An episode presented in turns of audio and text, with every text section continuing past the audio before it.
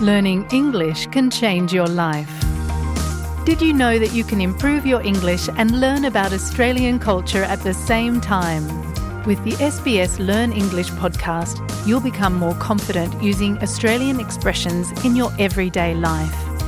Each episode is around 10 minutes long, so they are easy to fit into your day. You'll love learning English with SBS Learn English. Listen wherever you get your podcasts. أنتم مع إس بي إس عربي 24 استمعوا إلى آخر إصداراتنا بودكاست الهوية. شهدت أستراليا خلال العقد الماضي بعضا من أسوأ الفيضانات في تاريخها. ففي العامين 2020 و 2022 غمرت المياه مساحات كبيرة من البلاد عدة مرات جراء الأمطار الغزيرة التي تسببت بشكل متكرر في فيضان الأنهار. وقد تعرضت بعض المجتمعات التي تأثرت بالفيضانات لأضرار كارثية في البنية التحتية والمنازل وحتى خسائر في الأرواح. ويبقى التساؤل الأكبر كيف يمكن الاستعداد لتقلبات الطقس التي قد تجلب الفيضانات؟ عندما تضرب العواصف والفيضانات المناطق في أستراليا تعتمد معظم المجتمعات على خدمات الطوارئ المحلية في الولايات والمقاطعات في الحصول على المساعدة. وتساعد هذه الوكالات المعروفة اختصارا باسم SES المجتمعات على الاستعداد لحالات الطوارئ من أجل تقليل المخاطر. كما تساعد هذه الوكالات في عمليات الإخلاء ومهام التنظيف والإصلاح بعد توقف المطر وهدوء المياه.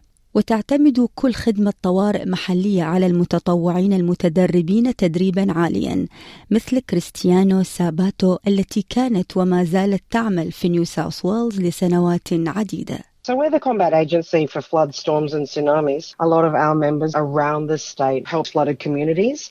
We look after uh, any storm damage to property, trees that have come down, roof damage, anything of that nature that's related to either flash flooding or storms.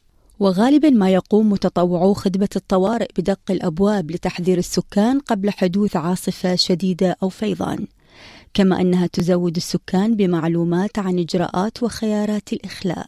وقد تساعد الخدمات في حماية الممتلكات أو البنية التحتية عن طريق إزالة العناصر الخطرة أو إعداد أكياس الرمل لبناء جدران مؤقتة لإبعاد خطر المياه.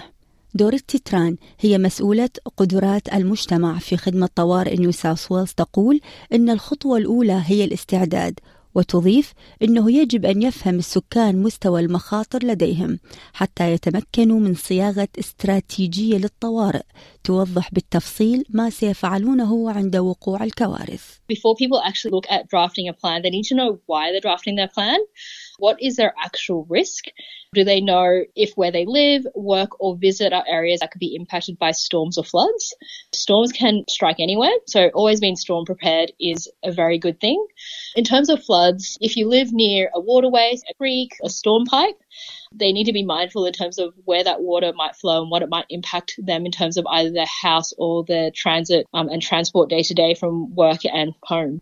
كما ان على الاشخاص الذين يعيشون بالقرب من الانهار ان يظلوا على علم دائما باحوال الطقس تحسبا لحدوث حاله فيضان ويمكن للمجتمعات مراقبة توقعات الطقس المحدثة من خلال مكتب الأرصاد الجوية أو تطبيقات خدمة الطوارئ أو المواقع الإلكترونية أو من خلال وسائل التواصل الاجتماعي الخاصة بهم.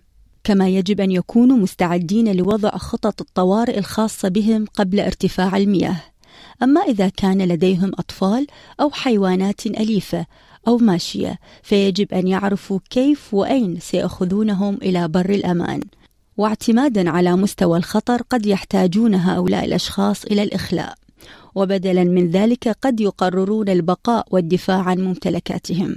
في كلتا الحالتين يحتاج الأشخاص الذين يعيشون في المناطق المعرضة للفيضانات إلى التفكير في الإمدادات التي سيحتاجون إليها مسبقا والاحتفاظ بحزمة الطوارئ جاهزة كما توضح السيدة تران. Do they need things like medication day to day? You probably need to consider your basic necessities. So having a spare set of clothes, having some water and food. If you have pets or any children in your family, making sure you've got items for them. So pets probably need things like leashes, carriers, maybe some of their foods and treats. For kids, spare clothes, food for them if required, nappies if it's a baby or toddler, prams, and have something that's comforting as well.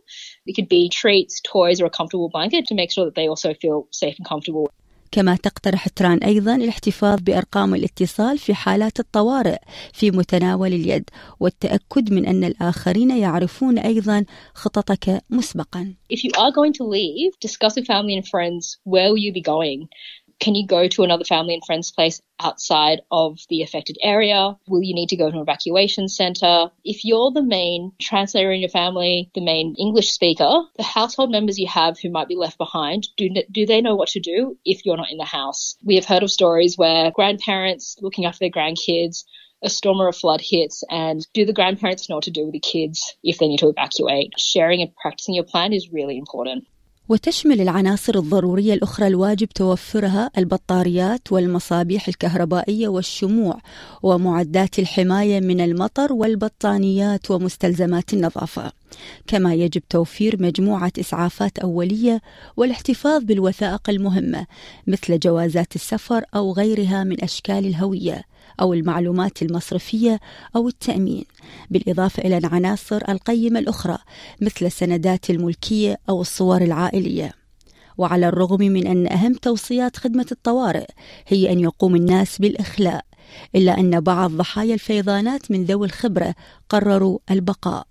وتعيش نيكول فاستل في منطقة نهر ماكدونالد السفلى وهي بلدة صغيرة في ضواحي سيدني. وقد غمرت المياه منزلها المكون من طابقين أربع مرات خلال عامين.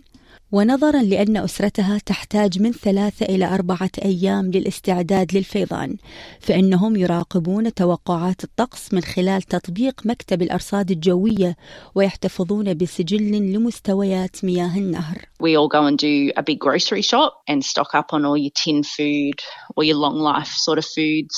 In case we get cut off. My husband goes and top up all the fuel jerry cans. So we've got heaps of fuel on hand for the generator for when we lose power. I fill the bathtubs with water just so we have fresh water for drinking or washing up.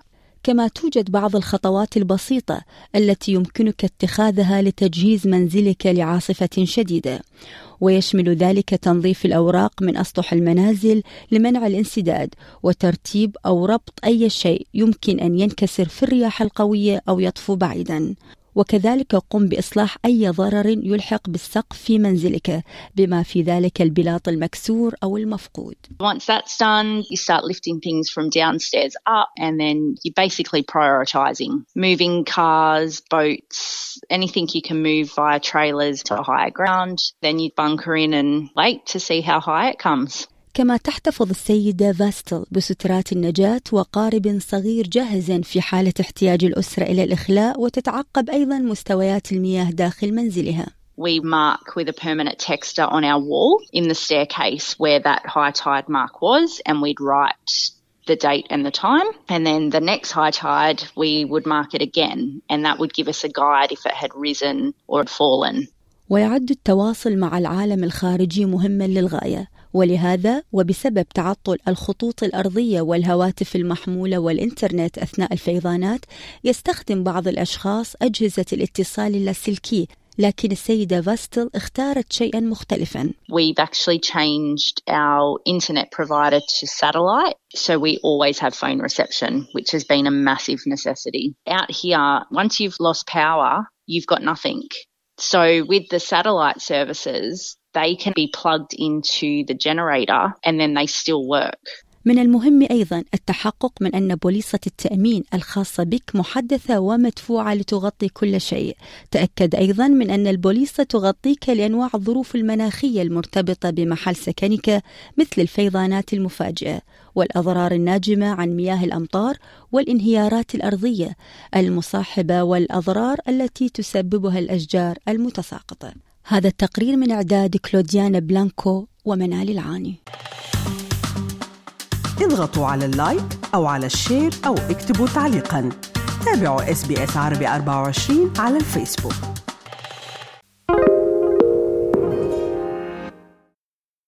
استمعوا الآن إلى الموسم الثاني من بودكاست أستراليا بالعربي. أحدث إصدارات إس بي إس عربي 24 يأخذكم في رحلة استقرار بعض المهاجرين العرب ويشارككم بأبرز الصدمات الثقافية التي تواجههم عند وصولهم إلى أستراليا.